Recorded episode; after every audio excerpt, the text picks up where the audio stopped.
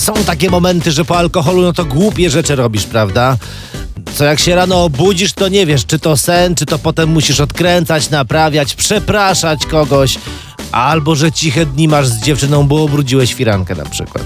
No ale jakoś sobie radzić w sytuacjach kryzysowych trzeba, zakładając, że toaletę masz zajętą, a ciśnie cię, no a napęcherz tak, że mógłbyś zastąpić Niagarę, no to pojawiają się schody, dreszcze, nawet rzuty zimna i gorąca, może mroczki przed oczami, albo cię rozsadza od wewnątrz, to nie myślisz racjonalnie. Choć na co dzień człowiek stateczny, zrównoważony, w pełni siły i umysłu. I wpadasz na pomysł, absurdalny, by zrobić to w zlewie. W sensie oddać nadmiar płynów, prawda? No też odpływ chcąc nie chcąc, też ceramika często, no to zapachu nie przyjmie, co innego jakby był granitowy, ten zlew w sensie. I czujesz tę ulgę, czujesz endorfiny, że tak, że to jest to, że masz spokój ducha w, w sobie po prostu.